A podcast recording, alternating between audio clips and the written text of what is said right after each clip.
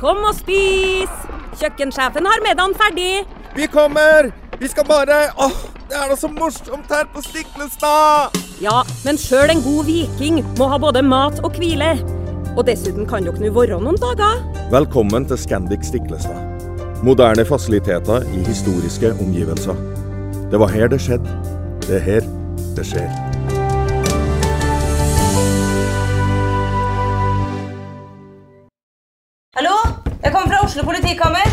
Ine Jansen er purk. Er du purk? The motherfucking bitch. Alt jeg vil, er å finne ut hva som skjedde med mannen min. Jon Carew. Er jeg sikta for noe? Iben Akeli. Det er du.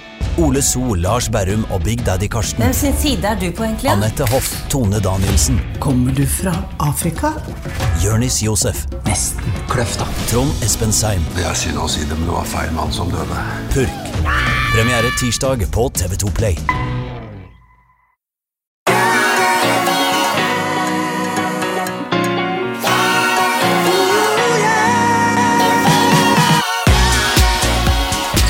Uke, ny episode av eh, Hjernesterk. Eh, Ole Petter, eh, vi har fått inn en del spørsmål via Instagram-kontoen vår og Facebook-kontoen vår.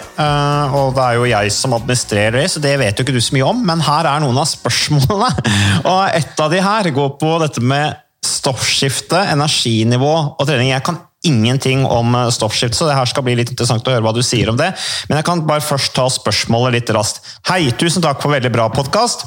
Jeg er veldig fan og lurer på om temaet lavt stoffskifte er noe dere kunne tatt opp. Jeg jobber selv som klinisk ernæringsfysiolog og trener.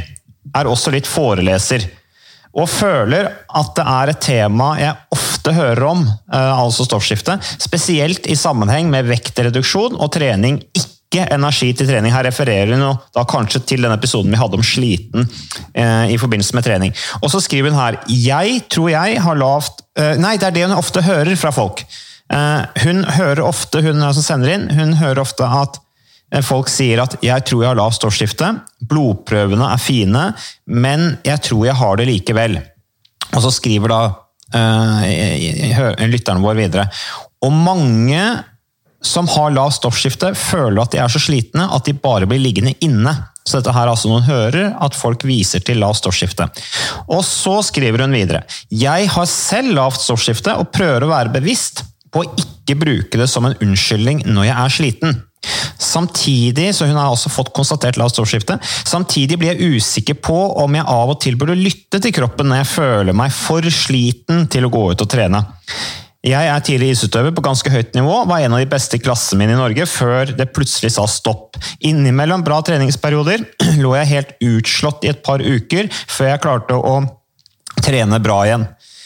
Når jeg, når, når jeg gikk til legen, fant jeg ut at jeg hadde lavt stoffskifte, men jeg klarte aldri å trene like mye igjen, selv om jeg startet på medisiner og verdiene ble bra. Er det jeg som tror at jeg er mer sliten enn jeg er? spørsmålstegn. Eller hva vet, hva vet dere om trening og stoffskifte? Som sagt, Ole Petter, jeg kan veldig lite om stoffskifte. Hun har, har altså konstatert det, er tidligere idrettsutøver, eh, og hun hører folk rundt seg unnskyld, snakke om at de tror at de har lavt stoffskifte fordi at de føler seg slitne. Hva, hva, hva er lavt stoffskifte, Ole Petter? Ja, hva er lavt stoffskifte? Du, eh, lavt stoffskifte det er da en eh, sykdom som eh, primært rammer det vi kaller skjoldbruskkjertelen, som sitter midt på halsen. Som eh, skiller ut et hormon som heter tyroksin, som er veldig viktig bl.a. for stoffskifte. Tyroksin påvirker så godt som alle cellene i kroppen. Nervecellene våre, muskelceller, hjertemuskelceller osv. Blant annet så styrer det det vi kaller den cellulære metabolismen. Altså hvor mye energi vi forbruker. Og det er en ganske vanlig sykdom. Skyldes som oftest en betennelse i denne skjoldbruskkjertelen, noe vi kaller en autoimmun betennelse, som i bunn og grunn bare betyr at kroppen av en eller annen grunn begynner å lage antistoffer mot vårt eget vev, i dette tilfellet denne kjertelen. Og så får du en kronisk betennelse, eller starter med en akuttbetennelse som kan bli kronisk, som gjør at denne kjertelen blir syk og ikke klarer å skille ut nok tyroksin. Så du har altså for lite av dette hormonet, som er veldig viktig for så godt som alle cellene i hele kroppen. Og Det er en ganske vanlig tilstand. I store befolkningsundersøkelser så ser vi at ca. 3% av befolkningen har den. 3% 3% både menn og kvinner, men det er klart flest kvinner. Så det er mye mer hyppig hos kvinner. Det er minst dobbelt så mange kvinner som har dette som menn. Uten at vi er helt sikre på hvorfor. Og I og med at dette hormonet påvirker så godt som alle cellene i hele kroppen, så får jo disse pasientene med lavt stoffskifte et hav av symptomer. Kanskje det mest framtredende er jo det som ble nevnt i spørsmålet her, dette med trøtthet og slapphet. Altså unormal trøtthet og slapphet, mye mer enn det man har hatt tidligere, og det man kan forvente ut ifra den belastningen man har. Mange går opp i vekt. eh, Søvnvansker, konsentrasjonsvansker, depresjon er en del av lidelsen også. Det påvirker nervecellene. Du, unnskyld at jeg avbryter deg litt, Ole Petter. Du er veldig flink til å holde tråden, så du kommer tilbake. Men jeg bare plutselig slo meg at hvis du da har lavt stoffskifte, så, du, så sier du at mange får, sliter da med overvekt, dårlig søvn, depresjon. Det henger vel litt sammen da med, når man føler seg sliten, at på en måte aktivitetsnivået går ned, energien til å gjøre ting går ned, så det blir en sånn følelse av maktesløshet også. Ja, da, og, og her blir det en, selvfølgelig ofte en ond sirkel. fordi Mm. når du er så slapp at du kanskje ikke orker å være like mye aktivitet som du var tidligere, så er det jo helt naturlig at kanskje vekten øker, eh, mange blir deprimerte også. Men depresjonen og muskel-skjelettsmerter og alle disse plagene skyldes jo da initielt at det er for lite av dette hormonet. Mange blir svimle, fryser lett, får håravfall. Så det er en lang liste over symptomer. Og ingen av disse symptomene er spesifikke for denne sykdommen. Det vil si at dette er ting du kan ha med andre tilstander også. Så Tradisjonelt så har ikke vi leger vært flinke nok til å tenke på denne sykdommen når pasientene kommer med mange av disse plagene. Det er veldig lett å stille diagnosen. Ja, Det er rett og slett en blodprøve. Men det fordrer jo at du som lege tenker at det er en mulighet. Så vi er blitt mye mer oppdatert og vet hvor vanlig denne sykdommen er, og hvor mye den plager folk. Så det er eh, lavt stoffskifte. Så da er det, du tar en blodprøve. Hvis du, lytter, hvis du er lytter nå og lurer på om du har lavt stoffskifte, føler deg sliten, trøtt, eh, maktesløs i forhold til det, så gå til legen din, ta, stoff, eh, ta en stoffskifteprøve, eller en blodprøve. Og så er det da, hvis den er positiv, så er det da mangel på tyroksid. Som, Og da vil jeg jo anta at det er tyroksidbehandling du får, da. Det er helt riktig. Altså, det er klart, Pasientene kommer jo veldig sjelden og sier vet du hva, jeg tror jeg har lavt stoffskifte. Eh, sjekk det. Men de, de kommer jo da med disse symptomene. Det mest framtredende er trøtthet, slapphet, nedsatt energinivå. Og Da kan det jo være mye annet også. Så jeg pleier å si at hvis du føler unormal trøtthet, slapphet, økt søvnbehov osv. over tid, så gå til fastlegen din for å få en utredning. Og Da vil jo sannsynligvis fastlegen ta flere prøver, men en av de prøvene de skal og bør ta, er jo da for å sjekke stoffskiftet. Og Da måler du egentlig tre blodprøveverdier, bare sånn for å bli litt teknisk. Noe som heter T4, T3 og noe som heter TSH. Ja, Så dra til legen din, noter ned dette her og si at du skal ta en T1, 3, 3 og en Du, det holder, så lenge det er en lege du går til, så holder det å si at jeg vil sjekke stoffskiftet mitt, så vet legene hva de skal teste. Og så får du et svar som er ganske tydelig. Enten så har du lavt stoffskifte, eller så har du det ikke. Det er liksom utgangspunktet. Og har du et lavt stoffskifte, hypotyreose kalles det på fagspråket, så er behandlingen substitusjonsbehandling. Altså vi gir dette tyroksinhormonet i tablettform. Og det legemiddelet det heter Levaksin. Det er det som er brukt aller mest. Og så tenkte jeg kan si litt om det konkrete spørsmålet. Fordi at dette hormonet er utrolig viktig, spesielt for fysisk kapasitet. Altså Har du lavt stoffskifte, så har du redusert oksygenopptak, musklene dine lager ikke like mye energi, eh, hjernen din blir lettere mentalt sliten. Så det er, det er jo derfor du får dette hovedsymptomet, som er trøtthet og slapphet. Men det bedrer seg når du får da Levaksin-behandling. Ja, så Det kan være en sånn utløsende årsak da, til at du får den lille energien som skal til for å kunne komme i bedre form, som blir denne gode sirkelen. Ikke sant? E- Eller er det bare sånn akutt behandling at du eh, da går blodverdiene dine opp, eh, du får mer energi i musklene? Altså, Hvordan fungerer det i så fall? Ja, altså Denne medikamentelle behandlingen som pasientene begynner på, den, det er ikke noe sånn at i løpet av noen sekunder så er du tilbake der du var. Men øh, over tid, noen uker, så vil de aller fleste pasientene se at de begynner å få tilbake en del av energien, og flere av disse symptomene forsvinner. Men det er også veldig individuelt hvor mye man trenger av dette hormonet, sånn at man bør følges opp tett av fastlegen sin, iallfall de første månedene etter man har fått diagnosen. for å titrere fram og finne fram nøyaktig hvor mye man skal ta av disse medisinene. For det er veldig individuelt.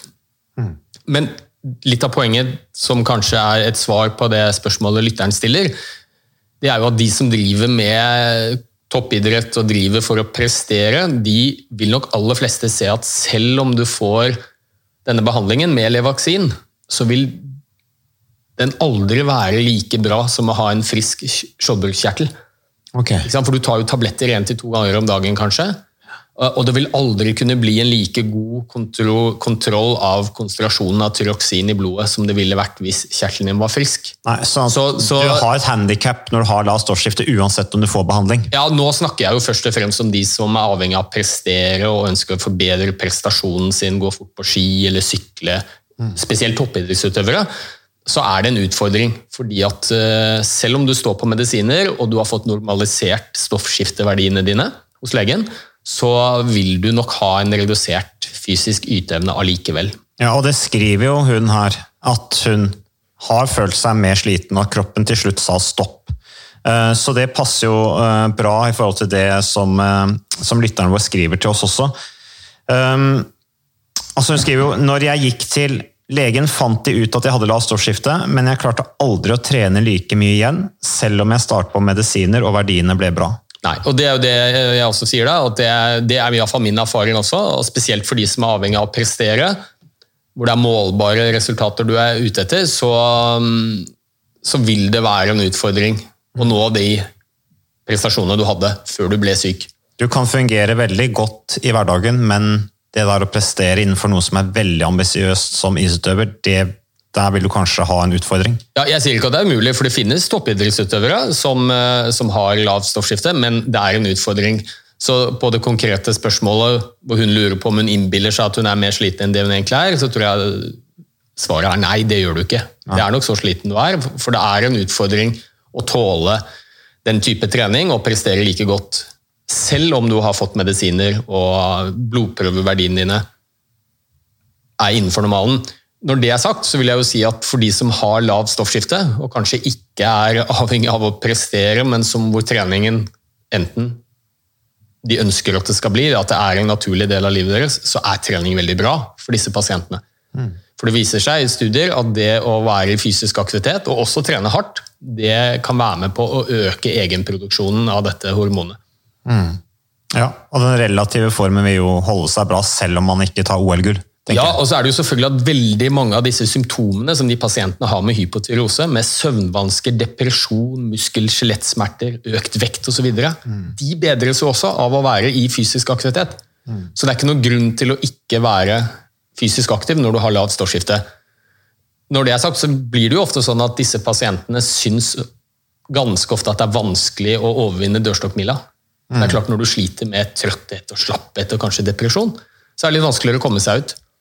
Så da anbefaler de å bli fulgt opp tett, kanskje være med i en treningsgruppe, få litt drahjelp, sånn at de ikke står helt alene om det.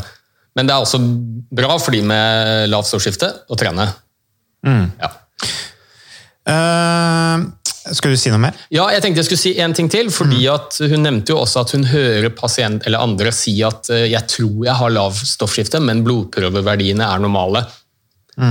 Og da har jeg lyst til å nevne at det finnes en annen tilstand som er en litt sånn eh, skal vi si for noe forstadie ofte til lavt stoffskifte, hvor pasientene i ganske mange tilfeller har en del symptomer fra den listen jeg akkurat nevnte, med trøtthet og slapphet og vektøkning og søvnvansker osv. Og, så og så går de til legen, og så er disse tyroksinverdiene normale.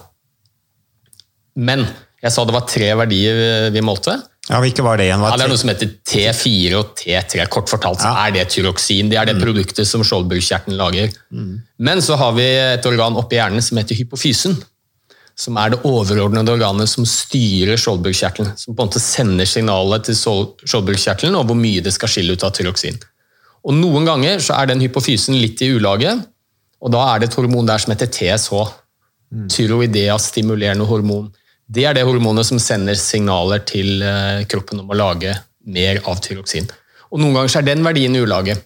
Dvs. Det vil si at tyroksinverdien er normal, men den TSH-verdien er unormal. Høy. Hva kan du gjøre med det? Nei, altså Det kalles subklinisk hypotyrose. Og Den enkle forklaringen på det er at det er et slags forstadie. Mm. Mange pasienter har ingen symptomer, men noen har en del av symptomene på lav stoffskifte. Men allikevel så kan de bli fortalt av fastlegen sin at verdien din er normale. Så hvis du, sliter, hvis du tror du sliter med dette, så kan det også være lurt å gå til fastlegen og spørre rett og slett tror du jeg kan ha subklinisk hypotyreose. Da blir legen imponert. Da blir kanskje legen litt imponert, men i dag så ser vi jo at spesielt yngre pasienter veldig oppegående, fordi jeg har vært hos doktor Google og vært inn på nettet, og i mange tilfeller så sitter jo pasientene på mer kunnskap om sykdommen de tror de har, enn det vi legene gjør. Men hvis du sier det at jeg lurer på om jeg kan ha litt sånn skjult lavt stoffskifte, eller subklinisk hypotyrose, for det er kanskje 5-6% av befolkningen som har det, så vil litt tyroksinbehandling eller vaksinbehandling være veldig nyttig. Men er det en type behandling som du da må stå på resten av livet fordi at det forstyrrer den naturlige balansen, eller er det Du har jo uansett permanent lavt, så det må du ta resten av livet? Nei, altså De som har vanlig lav stoffskifte, eh, for noen så er det en livslang behandling fordi kjertelen er så syk at den blir ikke bra. Men for mange så er det en tilstand som kan brenne ut. Sånn at de etter hvert ikke trenger denne substitusjonsbehandlingen med eller vaksin lenger. Så, men også for de med sånn subklinisk hypotyrose, som det kalles, så er det lurt. Få det undersøkt hos fastlegen. Spør tror du det er det jeg kan ha. Og Hvis du da har symptomer, så viser det seg at det å gi litt uh, Levaksin kan være veldig bra for de pasientene. Men de bør også uansett trene, fordi det øker egenproduksjonen av tyroksin. Så med andre ord, det er ingen grunn til å la være å trene, selv om man har lavt stoffskifte. Men dørstokkmila kan bli litt lang, kanskje trenger man litt hjelp for å komme i gang. Og så krever det medikamentell behandling i tillegg. Ja, Så sette ned ambisjonsnivået litt, da. Det tror jeg kan være lurt. Ja, rett og slett. Eh, Bare Når vi først er inne på dette med å være sliten og, og, eh, og stoppskifte osv. Vi har fått en del spørsmål også fra lyttere som er opptatt av dette med utmattelse. eh, Utbrenthet. eh, eh, Endring, atferdsterapi, ME. Eh, Så det er tydeligvis noe som engasjerer. ME er jo en, eh, en diagnose som jeg aldri har blitt helt klok på. Jeg vet at det forskes veldig mye på det. Eh, Det er en del meninger om det, en del sterke meninger om det. Sikkert en del sånn forutinntatte holdninger rundt det også. Ukas annonsør det er HelloFresh. Og hvis du nå går inn på hellofresh.no og bruker koden 'fresh hjerne', så kan du få opptil 1779 kroner rabatt på da de fem første matkassene dine hvis du ikke har prøvd Hello Fresh enda. Og Ole Petter, vi er jo glad i Hello Fresh i podkasten Hjernesterk, eh, selvfølgelig fordi at de er en annonsør. De er med og bidrar til å spre det glade ordet om fysisk aktivitet og god helse. Men i tillegg så har jo vi også nå lang erfaring med Hello Fresh eh, selv. Så vi må jo si at det har vært gode erfaringer til nå. Ja, absolutt. Visste du, Mats, at HelloFresh det er faktisk verdens ledende matkasseleverandør? Og tilbudene til HelloFresh gjør det enkelt å lage gode og varierte retter som skaper matglede. Og matglede vet du, det er like viktig som hva du putter i munnen. Det å spise mat med folk du trives med. Så gjennom 25 nye og inspirerende retter hver uke så bidrar HelloFresh til dette. Du kan bestille ekstra porsjoner om du får gjester, eller hoppe over uke hvis du f.eks. skal bort. Og Det er ingen bindingstid, og du velger leveringstidspunkt og dag selv, så leverer HelloFresh matkassen din akkurat når det passer deg. Ikke dårlig, Mats. Nei, det er veldig bra. Så, øh, og dette er med enklere hverdag, det kan jeg nå skrive under på. For nå, forrige erfaring vi hadde forrige uke, Ole Petter, det syns jeg var Det var jo et gjennombrudd øh, for familien Kaggestad. For da lagde rett og slett barna De lagde middag og serverte middagen, så den var ferdig laget og servert da når eh, min kone Marita og meg kom hjem fra jobb. Og jeg mener, Det var jo bare helt utrolig. Eh, Det var helt fantastisk. Det ble en nydelig middag. Riktignok de, de, de, de roter og søler litt, det gjør de. Så, men, men maten ble veldig god. De var veldig stolte over å kunne ha både laget og servert maten, så det var helt fantastisk. Så vi har jo da i siste så har vi eh, spist eh, bl.a. sitron- og dillstekt hyse med ovnsbakte grønnsaker og aioli. Eh, Vi har spist middelhavsinspirert kylling. Taco, så finnes det mange ulike typer taco. F.eks. vietnamesisk taco, som vi har spist. Thailandsk vegetargryte. Veldig riktig og sunt eh, i dagens eh, samfunn med, med fokus på bærekraft. Hvitløk og chilistekte reker i spagetti, det var definitivt en vinner. Så det er så flott. Du får rimelig mat ved at du kun betaler for det du trenger, så det blir ordentlig feststemning med Hello Fresh. Det gjør det, og nå er det bare for deg å gå inn på hellofresh.no og bruk koden FRESH gjerne. Da får du opptil 1779 kroner rabatt på de første fem matkassene dine, hvis du ikke allerede har prøvd HelloFresh. Du kan også bruke rabattkoden hvis du har stoppet abonnementet ditt for tolv måneder siden eller mer. Er det noe å lure på? Håper maten smaker godt. Bon appétit! Uh, og liksom mitt inntrykk, da, som ikke er, ikke er innenfor medisinfaget, uh, det er litt sånn at det er en diagnose som man bare plasserer de pasientene man ikke helt vet hva man skal hvilken diagnose man skal putte på de, da, for å si det enkelt. Altså det, jeg har litt sånn inntrykk av at det er lite konkret. Uh, Og min forutinntatte holdning av det er at det handler om det mentale. Eh, Men eh, hva kan vi si da om, om Når vi får spørsmål her om diagnosen ME, eh, hva, hva kan vi si om den diagnosen? Du som er lege. Du Ja, du, jeg skal si plenty om den diagnosen. Jeg har bare lyst til å gå litt tilbake til det vi har sagt i tidligere podkaster, og i alle fall som jeg har sagt, at jeg kjenner knapt noen sykdommer eller tilstander som gjør at trening ikke er bra. Altså, Trening er bra for de aller, aller fleste, uavhengig av hvilken grunnsykdom du måtte ha. Men så er det noen unntak. Og Vi har snakket mye om dette å være sliten og slapp og trøtt og ikke orke å trene. Og Da har jo jeg sagt at eh, så lenge du er frisk, så lenge du ikke har noe underliggende sykdom, så er ikke det å være trøtt og slapp og sliten det er ikke noe farlig å trene. Selv om du er det. Kanskje tvert imot. Og det er noe av det beste du kan gjøre, faktisk for å få mer energi og føle deg bedre i hverdagen. Ja, og da kan trene være å gå ut og gå seg en Ja, det kan være det er å gå viktig, ikke sant? Du må selvfølgelig tilpasse det til det energinivået du har. Og og jeg tenker det er helt uh, urealistisk å tenke seg at folk som er ordentlig trøtte og slappe og slitne, skal gå ut kanskje og løpe intervall. Men det å komme seg ut og bevege seg, det tror jeg er bra. Man får det bedre etterpå, og det er absolutt ikke noe farlig. Men så er det jo en unntak. Hvis du har en underliggende sykdom som gjør at du føler deg kronisk utmattet over tid, så bør du gå til fastlegen. Og Da har vi jo snakket om dette med lavt stoffskifte, som kan være én årsak. Det er jo pasienter som trenger behandling, i tillegg til det å, å bevege seg. Og så kan vi snakke om jernmangel og en del andre tilstander også, som krever medisinsk behandling. Men selv da er det, er det bra å trene. Det er ikke noe farlig. Men så er det ett unntak, og, og, og det er jo de som har den sykdommen som vi kaller ME, eller kronisk utmattelsessyndrom. Det har to navn. ME, som står for myalgisk encefalomyelitt, fancy navn, og kronisk utmattelsessyndrom, forkortes CSF. CSF. Um, og, og Det er litt sånn omdiskuterte diagnoser, og så er det mye diskusjon hva skal man kalle det. Myalgisk encefalomyelitt eh, henspeiler på at det er da myalgi betyr muskelsmerter, og encefalomyelitt betyr betennelse i hjerne og ryggmarg. I Hjerne og ryggmarg, ja. Ja. Og så er det kronisk utmattelsessyndrom, som er mer en sånn generell beskrivelse av hva pasientene opplever. Og når vi gjør store undersøkelser i befolkningen, så er det ca. 11% som forteller oss at de er plaget med kronisk trøtthet. Utmattelse. Så kan det være mange årsaker til det. Eh, ME, eller ja, kronisk utmattelsessyndrom, er en av dem. Og vi tror at ca. en halv prosent av befolkningen har ME. Og da snakker vi om 20 000 nordmenn ca. Og det er en sykdom som er veldig omdiskutert av flere årsaker. Eh, Det ene er at det er ganske omfattende symptombilde.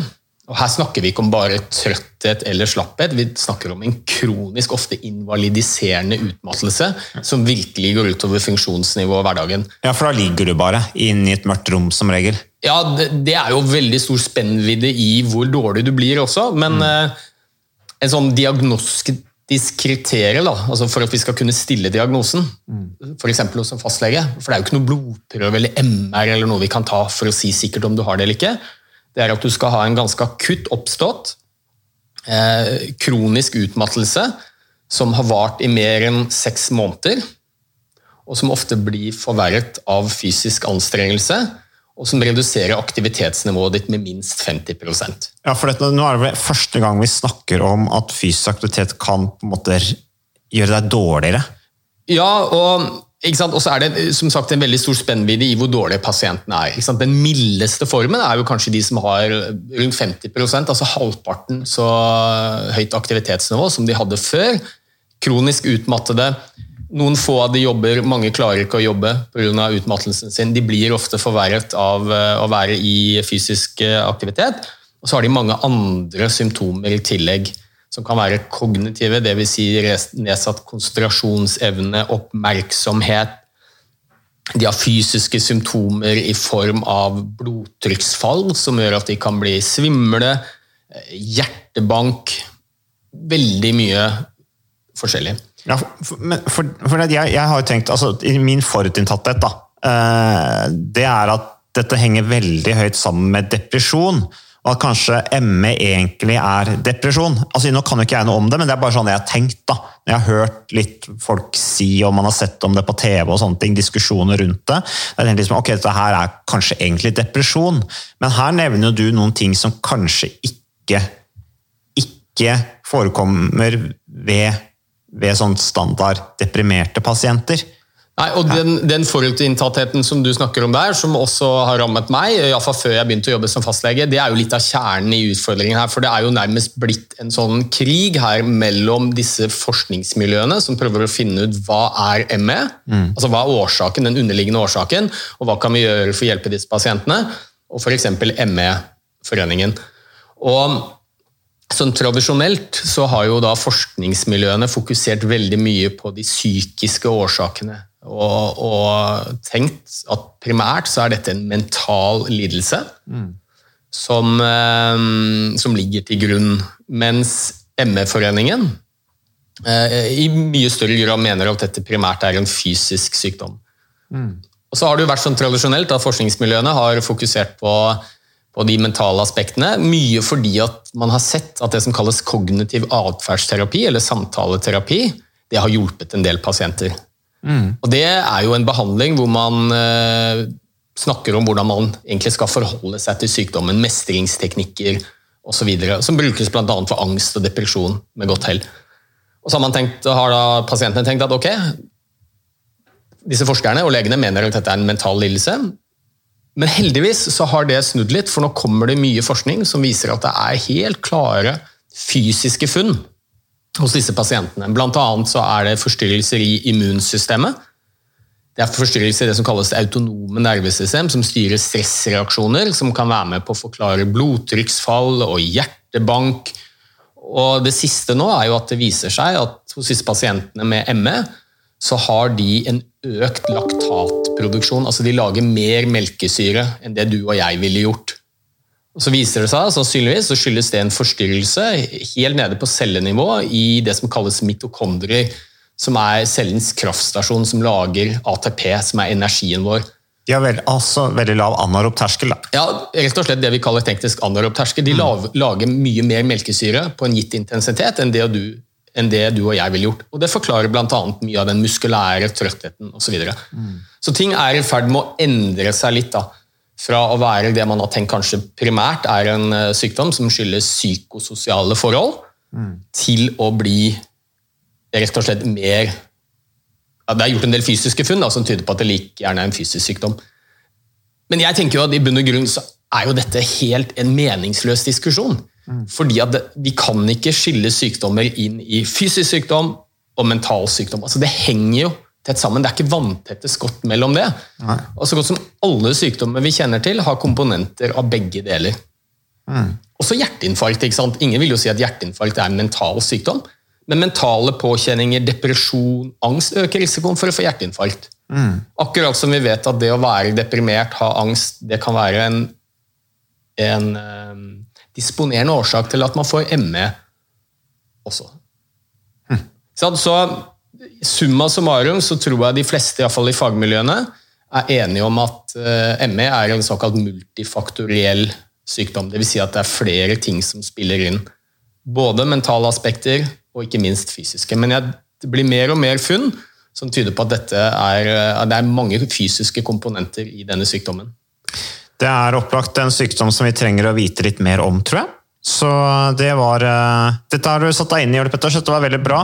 Vi kommer helt sikkert til å komme inn på dette her senere. Er det noe du vil legge til? Ja, det jeg vil legge til, det er jo kanskje det aller viktigste her. Og det er jo det når vi sier at ja, det er viktig å trene, fysisk aktivitet er viktig for alle. Mm. Jeg tenker at ME-pasienter er et lite unntak. Fordi de aller fleste ME-pasienter som begynner å trene, kanskje fordi de får råd om det i helsevesenet, de føler seg verre etterpå. Og det må vi jo lytte til. Det er viktig, altså, meningsløst å forordne og anbefale en behandling som en majoritet av pasientene føler seg dårligere av. Så det må vi jo ta på alvor. Lytt til eh, pasientene. Så er det gjort noen eh, ganske store studier, bl.a. en svær studie som heter PACE-studien. Som riktignok er litt omdiskutert, men den konkluderte med at i store grupper av ME-pasienter så var den beste behandlingen det var dette med kognitiv atferdsterapi. Mm -hmm. Samtaleteknikker for å mestre sykdommen man har. Og trening var, var det som var, ga best resultat. Ok. Ja. Og, og, så er det noen, da noen som sier ja, men kognitiv atferdsterapi, hvorfor skal jeg ha det da? Da forteller du meg at det er en mental lidelse og det bare sitter oppi hodet mitt. Nei, det gjør jo ikke det. Pasienter som har fått kreft, har jo god nytte av samtaleterapi. Det er jo ingen som påstår at kreft er en mental lidelse av den grunn. Så disse kognitive atferdsterapiteknikkene de hjelper ved de aller fleste kroniske sykdommer. Man trenger jo alltid råd. Ja, ja, og hvordan du takler og mestrer din egen situasjon. Mm. Og Så er det dette med trening, som kanskje er det som er mest tricky for disse pasientene. Og Det vi ofte snakker om, er noe som heter um, gradert trening, eller altså gradert treningsbehandling. Som rett og slett handler om at man tar utgangspunkt i hvilket energinivå pasientene har, og så prøver man å anbefale aktiviteter ut ifra det. Så Det er jo ikke noe sånn one size fits all som vi kan gi til de som er friske, hvor vi sier at okay, kanskje tre ganger i uka, en halvtime, så blir litt svett og andpusten. Det er bra for de aller fleste. Det vil gjøre de aller fleste ME-pasienter mye dårligere. Mm. Så her, hvis man skal bruke treningsterapi, så må det være tilpasset den enkelte pasienten. Og se an veldig dagsform, da. Veldig, veldig tett oppfølging. Ja, altså Man må kjenne pasienten, det må være kompetent fagpersonale. og Når vi sier trening, så tenker de mange ja, men da må vi ha på treningstøy og gå ut og jogge. eller gå. Altså Dette kan være utrolig enkle ting. Bare gjøre dagligdags aktiviteter i huset kan være en start. Mm. Bevege seg litt innendørs og så følge opp disse pasientene veldig veldig nøye og se at det ikke blir verre. Hvis de har veldig lav aneropp-terskel, så er det ikke så mye de skal gjøre. da. Ja, for Det er jo noe av det pasientene sier. ikke sant? Ok, La oss si at de kommer seg ut på en halvtimes gåtur en dag. Mm. Så ville sannsynligvis du og jeg følt oss mye bedre på dag nummer to. når vi hadde gjort den økten dagen før. Mm. Men veldig mange av de med meg de blir mye dårligere etterpå. Så dag to er helt fryktelig for dem. Altså De krever veldig lang restitusjonstid? da, kanskje? Veldig lang restitusjonstid. Så jeg er veldig forsiktig med å si at ja, det er viktig for deg å trene, men prøver da å finne ut hvor mye energi har du. Henviser gjerne til fysioterapeut eller en som er spesialist på dette. Og Så bruker man tid, snakker med pasienten, kartlegger litt hverdagen deres, hvor mye energi de har, hvor hardt de er rammet av sykdommen. Og så sammen med pasienten prøve å se om man kan gradvis øke aktivitetsnivået. Altså En god tommelfingerregel kan være å si at ikke gjør mer enn 70% av det du tror du klarer. Mm. Altså, det er rett og slett den energien du har som må avgjøre hvor mye du skal gjøre den dagen. Mm. Og så ser man da, iallfall i større studier, og hvis man starter utrolig forsiktig, har pasienten med på laget, ikke tvinger de til å trene, men prøver å se om man sammen kan prøve å øke aktivitetsnivået gradvis, så, så ser vi at de aller fleste blir litt bedre av det over tid. Men man må ikke gjøre for mye. Ekstremt forsiktig. Ekstremt forsiktig og tilpasset. og Nå kaller vi det ofte tilpasset treningsbehandling. Så, og det må tilpasses pasientens energinivå. Mm. Så Det er den eneste pasientgruppen hvor jeg er veldig forsiktig med å anbefale trening. Mange blir verre av det, Men aktivitet er bra. Selvfølgelig for hverdagsfunksjon. Og, når du er så dårlig at du ligger i et mørkt rom Mange blir jo så dårlige at de blir pleietrengende. Så er det ikke trening vi snakker om, men vi snakker om litt bevegelse, så mye som de orker. Og så følge det opp tett. Ja, det blir litt sånn som Egil Borger Martinsen som da sier at ja, hvis, ikke, hvis du bare kan sitte, så får du trene på å stå. Ja da, og, og dette er ikke en innbilt sykdom. Det er det en sykdom som har både mentale komponenter og fysiske komponenter, og spesielt de fysiske komponentene. De er vi i ferd med å avdekke. Og det tror jeg er veldig viktig, fordi at en sykdom som ME da, vil nok automatisk få mye større kall det status i helsevesenet. Vi ser jo det at eh, primært fysiske sykdommer, hjerteinfarkt osv., de har høyere status. De får mer penger til behandling, til forebygging, enn f.eks. mentale lidelser.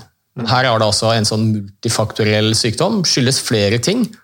Men hvis man klarer å finne ut de fysiske komponentene, så vil det nok øke statusen. Disse pasientene får det bedre i helsevesenet. For dette er en ganske oversett gruppe. Og det er en veldig forutinntatt holdning hos mange i helsevesenet Ja. rundt denne pasientgruppen. Og det vil nok bedre seg hvis man finner noen helt fysiske komponenter. Da har vi legene eh, en tendens til å ha mye større tiltro til det og følge opp pasientene bedre. Og så kan jo det også være nøkkel til hvordan man kan stille en nøyaktig diagnose. Så hvis det er et enzym i mitokondriene i muskulatur som er annerledes hos de med ME, så er det noe man kan faktisk påvise på sikt på prøver. Så kan man stille en sikker diagnose, istedenfor i dag, hvor dette er ofte pasienter som blir liksom kastet rundt i helsevesenet. Ingen finner ut helt sikkert hva det er for noe. Og så er det en veldig skjønnsmessig vurdering for å stille diagnosen. Mange kriterier som må oppfylles. Så disse pasientene ender ofte opp med å bli hevet rundt i helsevesenet, og så undersøker vi alt mulig annet for å finne ut om det er noen eh, andre sykdommer, og så blir det en sånn eksklusjonsdiagnose. Når vi har utelukket alt mulig annet som kan gi trøtthet og slapphet, så sitter vi kanskje igjen med ME. Og det er ikke noe bra for pasientene. Det er tøft, men dette kommer vi sikkert mer inn på, Ole Petter. Uansett, takk for at du hørte på podkasten Jernsterk. Vi kommer tilbake til mer en senere anledning. Det gjør vi. Takk takk. takk, takk.